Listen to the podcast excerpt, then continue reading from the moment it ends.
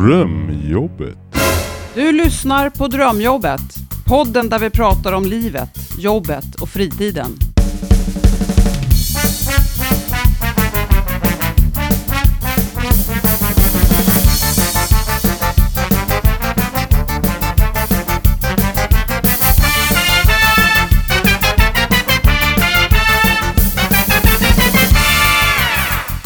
Hej och välkomna till Drömjobbet-podden. Idag ska vi prata om löneavdrag och kvittning, övervakning och att våga vabba. Barabim! Stefan heter jag Och Kimmo heter jag. och vi kommer ta med er i detta program när vi kommer följa med Jesper och på hans arbetsplats som murare. Jag tycker att eh, vi drar igång och lyssnar vad som eh, händer med Jesper. Sure thing.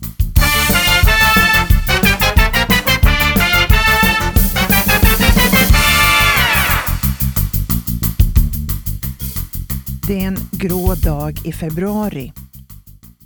Längs den slitna husfasaden i Bromma klänger byggnadsställningar som slingerväxter. Iförda gula byxor, reflexväst och hjälm står tre murare från Alvarssons platt och fasad nedanför ställningen och förklarar läget för sin arbetsgivare. Vi ligger nästan en vecka efter plan klagar chefen och pekar på det färggranna rutnätet på pappret han håller upp mot vinden. Kunden börjar klaga. Kunden är en bostadsrättsförening som inte har någon aning om hur lång tid det tar att putsa upp fasaderna på tre hus med tre uppgångar var, men som är väldigt noga med priset. De skulle ha varit minst en gubbe till på det jobbet. Om inte annat för att täcka upp för sjukfrånvaro och vabb. Och det kommer att få vänta lite till, säger muraren Jesper. Jag kan inte komma hit imorgon. Ska du vabba nu igen? frågar chefen anklagande. Jesper har missat nästan en veckas arbete de senaste sex veckorna. Och chefen har inte missat ett tillfälle och påminner honom om det. Du vet, det är februari, säger Jesper. Han ska visserligen inte alls vabba, utan göra klart ett annat jobb som blev ställt sist han vabbade, men han gillar inte chefens ton. Har du ingen pli på frugan där hemma? raljerar chefen. Ursäkta? Jesper känner pulsen i halsen. Hans blod blir varmare och händerna börjar darra en aning. Men han behärskar sig och säger så amet han kan. Ja, du kanske är gift med en hund du har pli på. Jag är gift med en kvinna jag älskar. Och i vår familj delar vi lika på vabben. Chefen stelnar till och det rycker i hans ögonlock. Han utbrister i staccato med högre röst än tidigare. I mitt företag är det jag som bestämmer över arbetet. Hör du det? Käften! säger Jesper. Jag har rätt att vara hemma för vård av barn. Om du tjafsar om det här igen så ringer jag facket. De stirrar varandra i ögonen en stund. Jesper tvingar sig själv att hålla kvar blicken. Efter en kraftmätning som känns som om den varar en evighet snäpper chefen till med huvudet och går med ryckiga steg därifrån. Jesper blir stående på stället med knän som nätt och jämnt håller uppe kroppen. Alltså, det där var väl onödigt, säger arbetskamraten Isak. Du vet hur han är. Jag har rätt till vab, knorrar Jesper. Klart du har, säger Isak.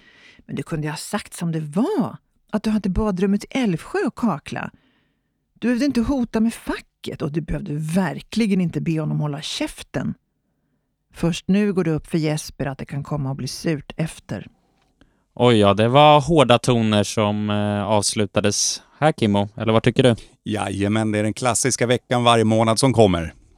Ja, men alltså något som jag funderar lite på när jag lyssnar, lyssnar på det här, och det här känns som en standard, jag kommer ju själv från byggbranschen, och det är att man alltid är för få på jobbet hela tiden. Det känns aldrig som att det är tillräckligt många personer. Ja, eller i den vardagliga tristessen så är det alltid för få som jobbar. Och då kommer man in, ja men det är så här, man är alltid för få när det är högperiod och sen när det plötsligt är en låg, lågsäsong, eh, då är man ju för många och då ska man säga upp folk och så säger man upp folk för att sen vara för få personer, man får jobba för dubbelt så, så många under, under högsäsongen. Och jag menar, är det ett schysst sätt att ha, eh, ha eh, arbete på?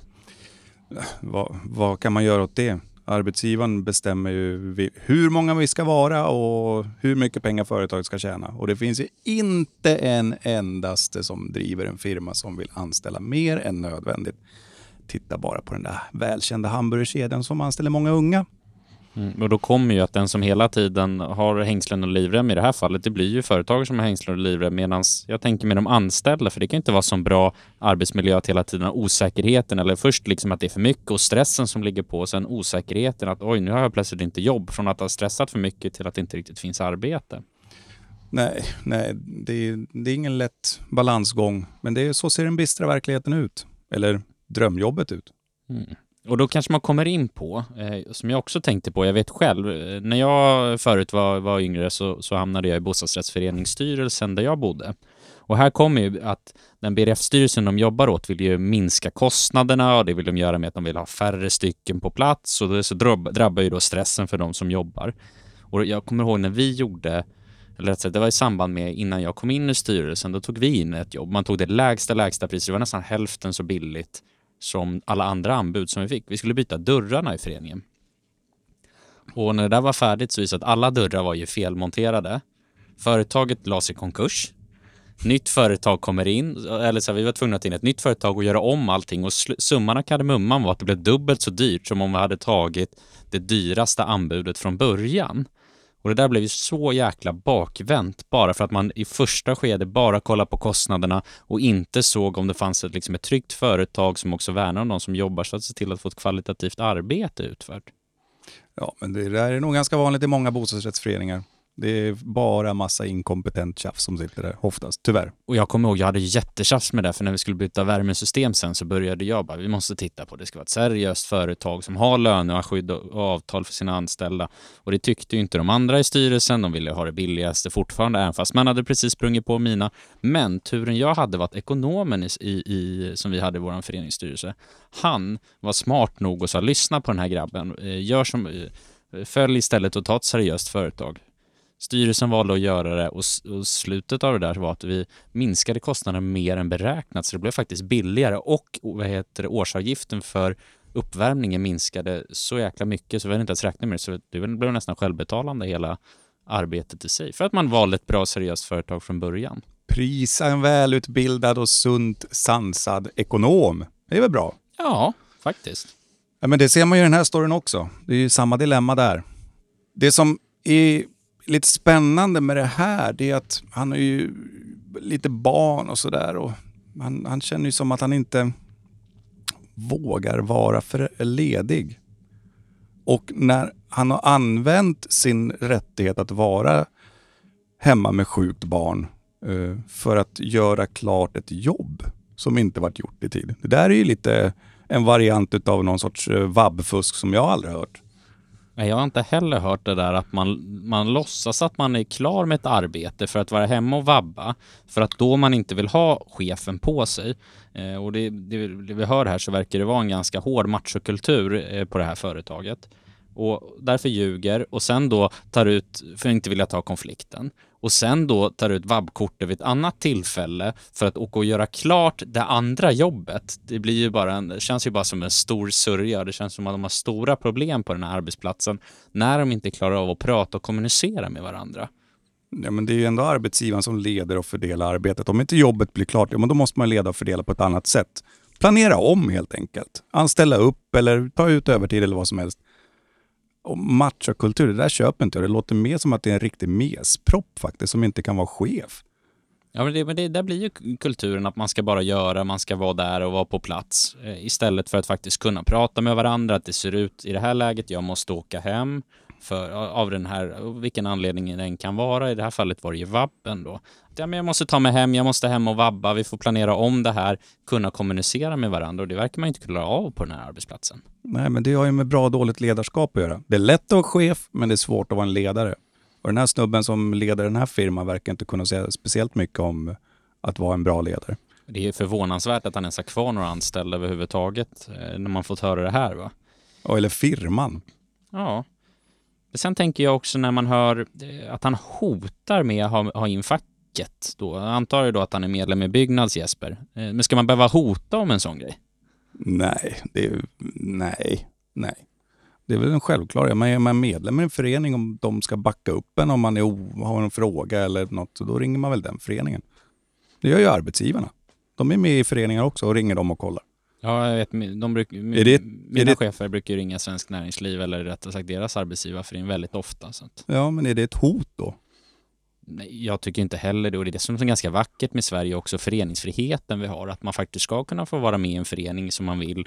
Eh, och i det här fallet, i sånt fall, är fackföreningen förening för att då utveckla arbetsplatser. Så att jag skulle väl se det om man var chef. Om det hade varit en smart chef så hade man väl sett det. Men vilken tur, vi har brister. Vi kanske kan få in kompetens som kan hjälpa oss att lösa brister som vi har för att vi ska kunna må bättre och jobba bättre. Och i slutändan kanske man inte ens behöver ha den här personalen om man mår så bra. Kanske man lyckas producera för en man mer utan att det ens blir jobbigare. Ja, Men sen tänker jag också på att, att kollegorna lägger pressen på Jesper också. Vi har ju Isak som säger åt Jesper, "Ja, men fan var inte så jäkla hård mot chefen, var inte lite hård nu? Ja, men, nej, men det, är ju, det är ju kamratskap. Alltså man, man vill ju måna om varandra, på sina kollegor. Liksom, att vänta nu, ta det lite lugnt. Alltså han, jag tror att eh, han tänker bara på Jespers framtida inkomst. Så att, ta inte i nu så att det blir en jävla skit så att du måste sluta. Liksom.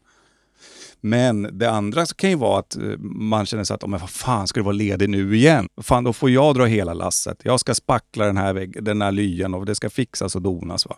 Ja, då blir det den här jobbet där man dubblar skuldbeläggningen i det här fallet. Både chefen som ligger på en, kollegorna som ligger på en och så hamnar man där någonstans mitt emellan. Det fattas ju bara att man där hemifrån också någon som ligger på en att nu är det din tur att vara hemma va.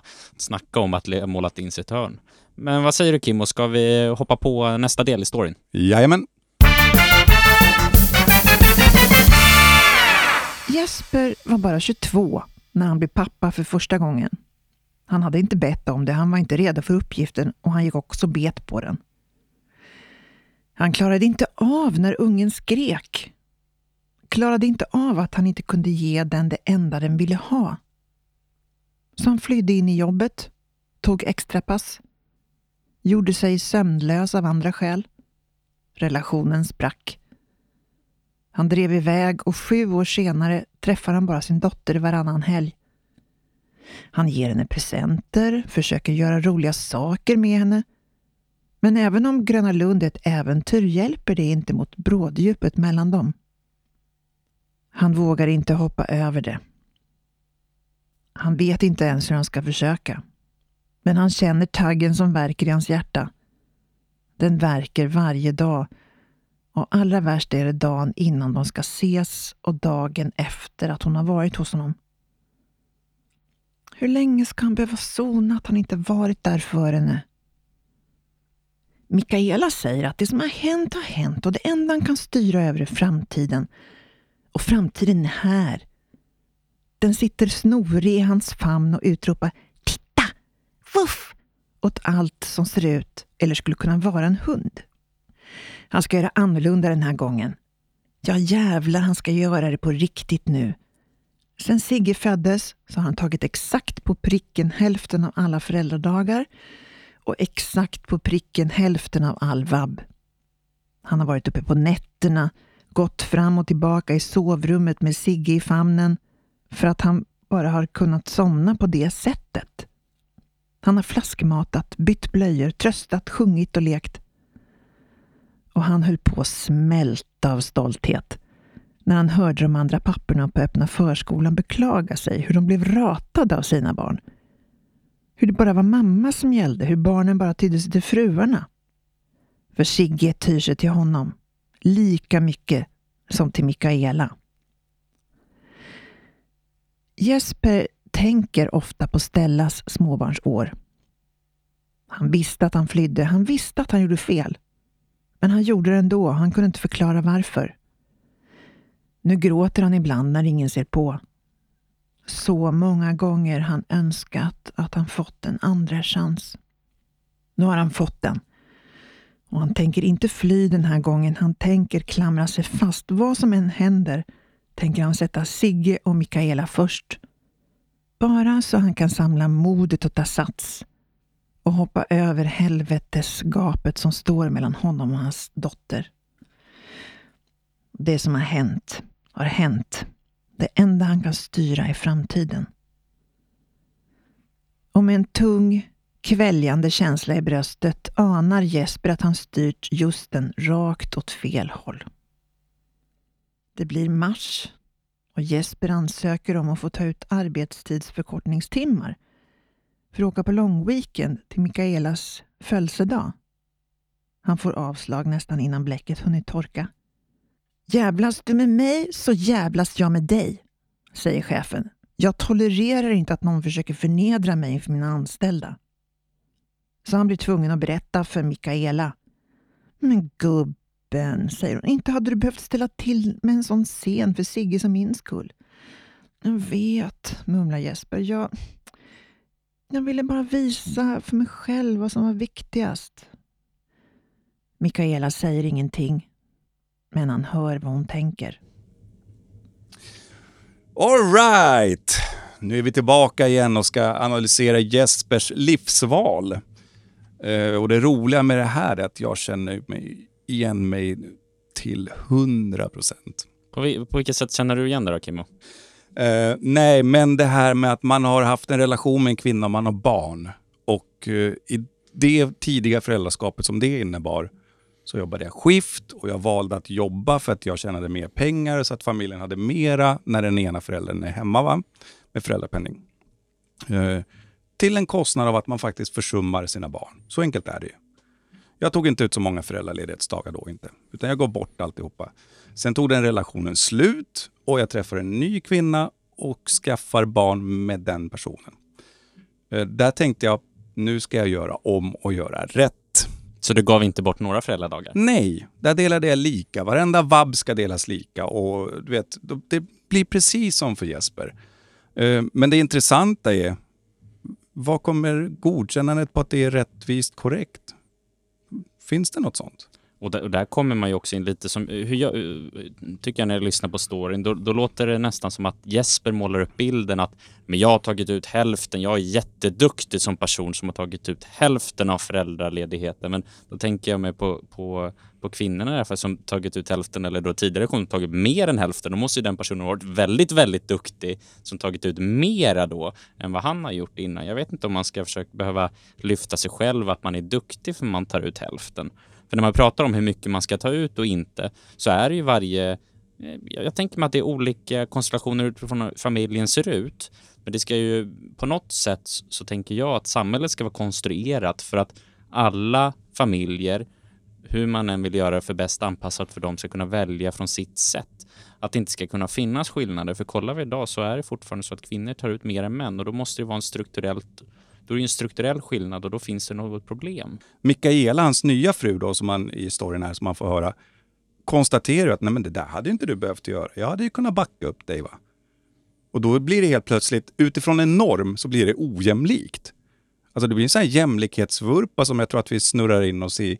När det konstant ska liksom gås med någon spjutspets att vi ska vara så jämlika. Vem är det som avgör det där? Det där är liksom en... Det blir farligt att säga vad som är rätt eller fel. Utan varje familj måste ju kunna få avgöra det där. Och det blir ju hela tiden att vad, man- vad man än gör så vill man ju göra rätt för sig och då gör man ju allting kanske för att göra rätt och så kanske det blir fel i sig. Och då kommer jag tillbaka till det jag var inne på tidigare Kim och det här med den strukturella problemen att så länge en familj väljer att göra på ett sätt och en annan familj gör raka motsatsen men att helheten blir lika så är det ju jämlikt. Men problemet är ju när det faktiskt, även fast familjer väljer så väljer man att välja kanske att eh, att den kvinnliga föräldern är, är, eller den föräldern som har burit barnet då, är hemma mer än den andra parten. Och då blir det ju på något sätt, är det verkligen jämlikt eller inte? Och och där är, är svårt och där tror jag att det är olika människor har olika syn på det. Jag tycker personligen att nej, men man ska försöka hålla någonstans 50-50 för annars har det ju andra negativa aspekter.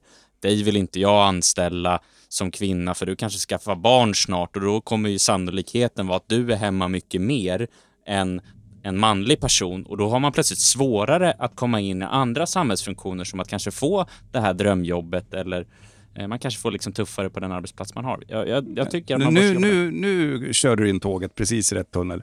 Eh, hur ofta får man höra, tror du, eh, jag, har ingen, jag har inget svar, men om man som kille går på en anställningsintervju, får man då höra frågan från arbetsgivaren så här, eller de här som sitter och anställer, hade du tänkt att skaffa barn snart?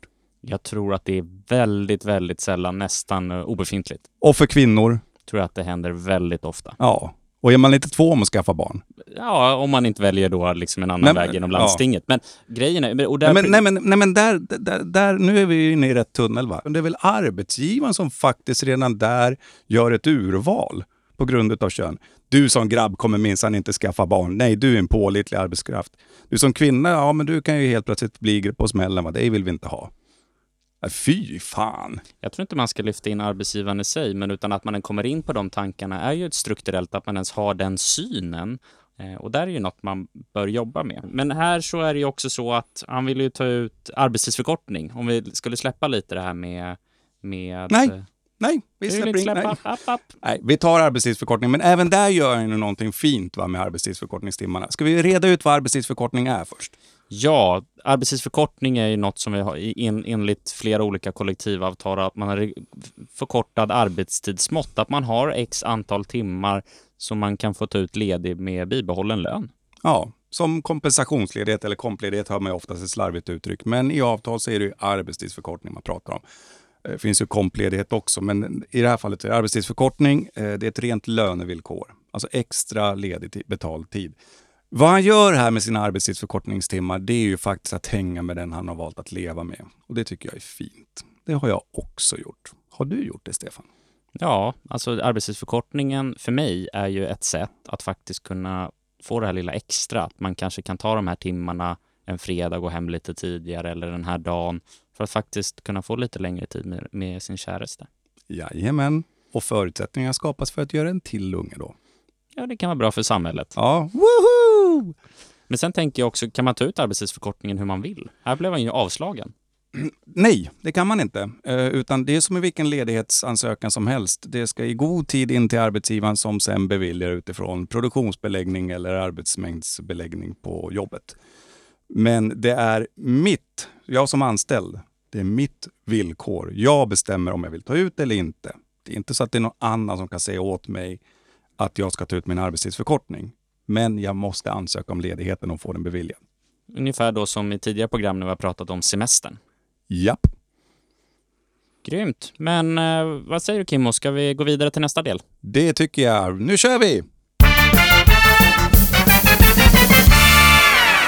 Det blir april och Jesper har fått två märkliga löneavdrag. Han går till Marit som sköter alla papper och kliar sig i huvudet. Hmm, säger Marit. Alltså det är en ny grej.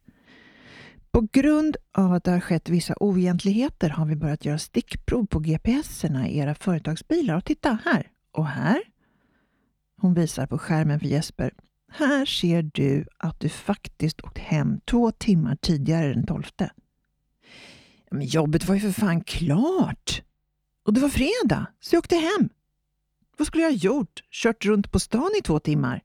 Ja, det kanske du gjorde här, säger Marit och ignorerar hans ton. Den här rundan går inte att matcha mot något jobb. Titta så du har kört. Det där måste ha varit ett privat ärende. Jesper minns inget privat ärende den dagen. Han minns inte ens om han hade kört då. De lånar varandras bilar ibland. För allt vad han vet kan han ha vabbat. Det tror jag inte, säger han. Varför håller ni på så här? Marit rycker på axlarna, visar med huvudet mot chefens rum. Fråga honom. Jag är bara ekonomitant. Jesper frågar inte chefen. Stilla. Snart har han hämnats färdigt. Det blir maj och Jesper blir uppläxad inför de andra och hotad med uppsägning. En skitsak. Han satte en fuktspärr på ett kaklingsjobb, åkte iväg på andra jobb och fastnade där och kom inte tillbaka till kaklingen förrän tre dagar senare. Fast han sagt 24 timmar och utan att meddela kunden. Chefen slår ner på det som en örn. Du har gång på gång misskött ditt arbete trots upprepade tillsägelser, deklamerar han, med blicken svepande över Jespers kollegor. Han viftar med ett papper i luften. Det här är en skriftlig varning. En grej till och du... Han avslutar inte meningen men drar med pappret över halsen. Jesper berättar inte att chefen bluffar. att kunden var bortrest och inte ens märkte förseningen och därför inte kan ha ringt någon för att klaga. Chefen vet att Jesper missade jobbet för att han följer hans rörelse med GPSen som om han spelade datorspel. Det vet Jesper, men han säger ingenting. Han måste vara färdig nu. Så dumt att utmana honom igen då. Det blir juni och Stellas mamma ringer och säger Jesper, jag vet inte riktigt vad som har hänt. Men Stella har blivit så väldigt pappig på sista tiden. Hon vill absolut att du kommer på hennes skolavslutning. Ja, jag vet. Hon har aldrig velat något sånt förr. Men det har visst blivit viktigt för henne. Och chefen säger En fasad i Solna, Isak och Jesper, måste åtgärdas så jävla fort ni bara kan. Och ni rör er inte från adressen förrän fanskapet är lappat. Och Jesper vet vad klockan är slagen. Hålla koll på GPS, kvittning. Ja, jag vet inte, det här lät ju inte så jättekul som vi fick höra på den här delen. Men att dra av lön bara slumpmässigt, det är ju aldrig okej va? Har du varit med om att de har gjort det för dig Kimmo? Ja, Vad hade hänt då? då? otillåten frånvaro. Så de, de drog bara, de sa ingenting? Nej, eller? de sa att det här blir löneavdrag. Det blir otillåten frånvaro. Samma dag. Så fort jag kom till jobbet, det vet de. Så Och det då- var in- Och då blir det ju ändå en kvittning. Då har man ändå haft, om man vill kalla det för förhandling eller en diskussion med dig, att det här har skett och det här är den åtgärden vi tänker göra. Och du säger, ja det stämmer, jag har gjort det här, det är en okej åtgärd. Det är ju självklart att ni ska dra lön för det. Så sa jag inte alls det. Du sa, jag vill inte, jag är visst på jobbet. Jag försökte Nej, ljuga. nej, men det var, det var ju pinsamt. Men det var ju fas i livet, ja. Och, men här kommer det ju med att han på lönebeskedet får se att man har dragit lön från, eh, från och det är ju aldrig okej. Det är faktiskt en ogiltig och det är olagligt eh, enligt kvittningslagen. Va? Utan här måste vara en diskussion innan. Så i det här fallet så bör han ju då vända sig för Jesper var ju med i Byggnads så han bör ju faktiskt ringa till Byggnads i det här fallet. Japp. Men något som jag också är van med i, i, i måleribranschen och det är ju det här med att man inför en, dig en digital körjournal, alltså GPS i företagsbilarna. Tanken med den är ju att man då ska underlätta körjournalskrivandet för att kunna skicka in det till Skatteverket, för de kräver ju då körjournal på företagsbilar. Men här har de ju då hållit koll på i realtid när de åker hem, var de är någonstans och hur de åker på dagarna. Och där kan jag bara säga en sak eh, om och det är fel, fel, fel, fel. Det är inte okej enligt personuppgiftslagen att hålla koll på vad folk är i realtid eh, som arbetsgivare och sen då använda den informationen för att sätta dit dem. Nej, det här jag blir, jag blir arg när jag hör det här. Har du varit med om något liknande? Alltså nu finns ju mer än GPS, så det finns ju andra modernheter, eller så här, det behöver inte vara en bil, det kan vara en telefon eller vad som helst. Har du varit med om att du blivit övervakad? Ja, nej det har... Jo, det har jag. På mitt gamla jobb så ville arbetsgivaren sätta upp ehm, eh, kameror. Eh, faktiskt för att eh, de hävdar på att det har med säkerhet att göra. Men det var ju direkt på den personliga integrite- integriteten. Så att där sa ju det lokala fackrepresentanten att det där eh, pysslar vi inte med. Så att det blev inga kameror. Nej, Men det är ju kameror på väldigt många arbetsplatser. Kan det vara okej med kameror då enligt personuppgiftslagen? Det är det. Om man har tillstånd från Länsstyrelsen eh, och att det är förhandlat med eh, facklig part. Så, men det finns ett starkt skydd där i personuppgiftslagen som du sa. PUL. Alright. Um, ehm, lönetanten, som hon valde att kalla sig för, hon påstår att här har han åkt eh, på privatärenden eller att han hade åkt hem va, när jobbet var klart. Och han hävdade sin oskuld med det. det är det okej? Alltså här är det, han, han erkänner ju att han har åkt hem. Eh, och att, nej men vi var ju klara här. eh, Ja, men får han, får han bara gitta? Och här kommer man ju in till att man kanske tänker sig att ja, men nu är jobbet klart, jag har inte fått några fler ärenden eller uppgifter att göra, då är det dags för mig att åka hem. Och nu kommer vi in till ledningsrätten. Och här har faktiskt inte arbetstagare rätten att leda och fördela arbete, för det är ju faktiskt vad Jesper gör i det här fallet. Han väljer ju att själv ta makten över arbetsgivarens rätt att leda och fördela genom att säga att nu är jag klar, då är det okej för mig att åka hem. Det Jesper skulle ha gjort i det här fallet är ju att ringa till sin chef och säga att jag är klar här för dagen. Finns det fler arbetsuppgifter för mig eller vad ska jag nu göra? Och då är det ju arbetsgivaren som har makten att säga nej, du, eh, det finns inga fler arbetsuppgifter för dig idag utan du får åka hem och därav också då skulle vara berättigad till lön för den tiden. Ja, precis. Du kan få den informationen i det samtalet eller innan du drar ut på uppdraget. Och detsamma gäller faktiskt om man blir kvar eller man märker att nej, men jag hinner inte klart i fyra när jag ska sluta. Jag behöver, jag behöver trycka på fram till sju. Det måste också vara godkänt från arbetsgivaren. Precis. Om man ska hävda ersättning i alla fall. För annars blir det ju så att eh, i det här fallet så eh, kan det ju vara så att om man tänker själv att man kanske har en god dialog med sin arbetsgivare sedan tidigare, att man liksom har en oskriven regel när man har pratat med varandra att är man klar lite tidigare än fredag, liksom man blir klar med ett jobb, att arbetsgivaren kanske har sagt vid ett annat tillfälle att då är det okej att man åker hem. Va? Men tydligen så har inte de pratat om det, utan man har allmänt bara gjort. Sen får man ju börja diskutera praxis på det här företaget. Praxis är ju något som ja, men sedvanligt sker och händer utan att det är en skriven regel. Och det kan ju vara så att man haft praxis att alla andra brukar sticka hem tidigare på fredagarna om man är klara. Är det då okej att man då går på en person på företaget och säger att du får inte göra det, men de andra är det okej för? Åh, nu är vi inne på förhandlingar och sånt där tjafs. Eh, men det brukar väl landa i att nej, man behandlar väl alla lika på ett företag. Va? Eh, men apropå det här med förhandlingar och sånt, för att eh, han får en skriftlig varning av arbetsgivaren med hot om uppsägning. Vad är det som gäller? Vad är en skriftlig varning? Det tycker jag att vi frågar Google om. Skriftlig varning är ett arbetsrättsligt begrepp som också har betydelse för arbetsmiljön. Före åtgärden varning ska den anställde ges möjlighet att ändra ett påvisat felaktigt beteende. Förslagsvis med en instruktion som beskriver rätt beteende. Alright, där fick vi höra vad Google hade att säga om skriftlig varning.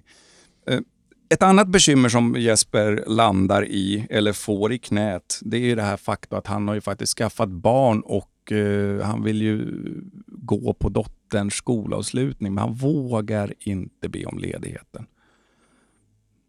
Och det där är ju för jäkla tråkigt att man inte ens vågar be om ledigt. Alltså nu kommer jag tillbaka till det som jag var tidigare i, i programmet när vi pratade om kommunikation. Ledarskap som du också var inne på Kimmo. Det känns som man har väldigt, väldigt, väldigt mycket om att jobba här när man inte ens vågar ta, ta några arbetstidsförkortningstimmar för att gå på ens barns skolavslutning. Men du Kimmo, vi börjar närma oss slutet av det här programmet. Eh, Japp. Och det är några punkter som jag tänker mig, som jag har fått med mig eller som jag skulle vilja skicka med mig. Och det är väl kanske framför allt att det är alltid okej att vända sig till sin fackförening. Ingen ska behöva hota om att göra det. Ja, med tillägget att eh, om medlemmar i ett fackförbund hör av sig till sin sin, sitt fackförbund för att få råd och stöd, så gör arbetsgivare precis likadant. För de är med i sina arbetsgivarorganisationer också och gör samma sak. Så det blir ingen obalans där. Ingen ska känna sig att man är övertuff eller mjäkig eller hotar någon, utan man gör bara det som man faktiskt betalar för. Men det är dock inte okej för chefen att bara dra av lönen utan att förhandlat och diskuterat med den anställda först så man är överens om vad det är som sker och att det som sker faktiskt är korrekt. Men det är inte okej för, för chefen enligt personuppgiftslagen att hålla koll på de anställda med GPSer i realtid som ett verktyg vart man är någonstans. Och vi ska våga vara lediga med våra barn oavsett varför. Men hörni, nu säger vi så här. Nu är det slut för den här gången och vi får höras och ses igen då om två veckor. Jajamän! Tack för oss. Hej då! Hej då!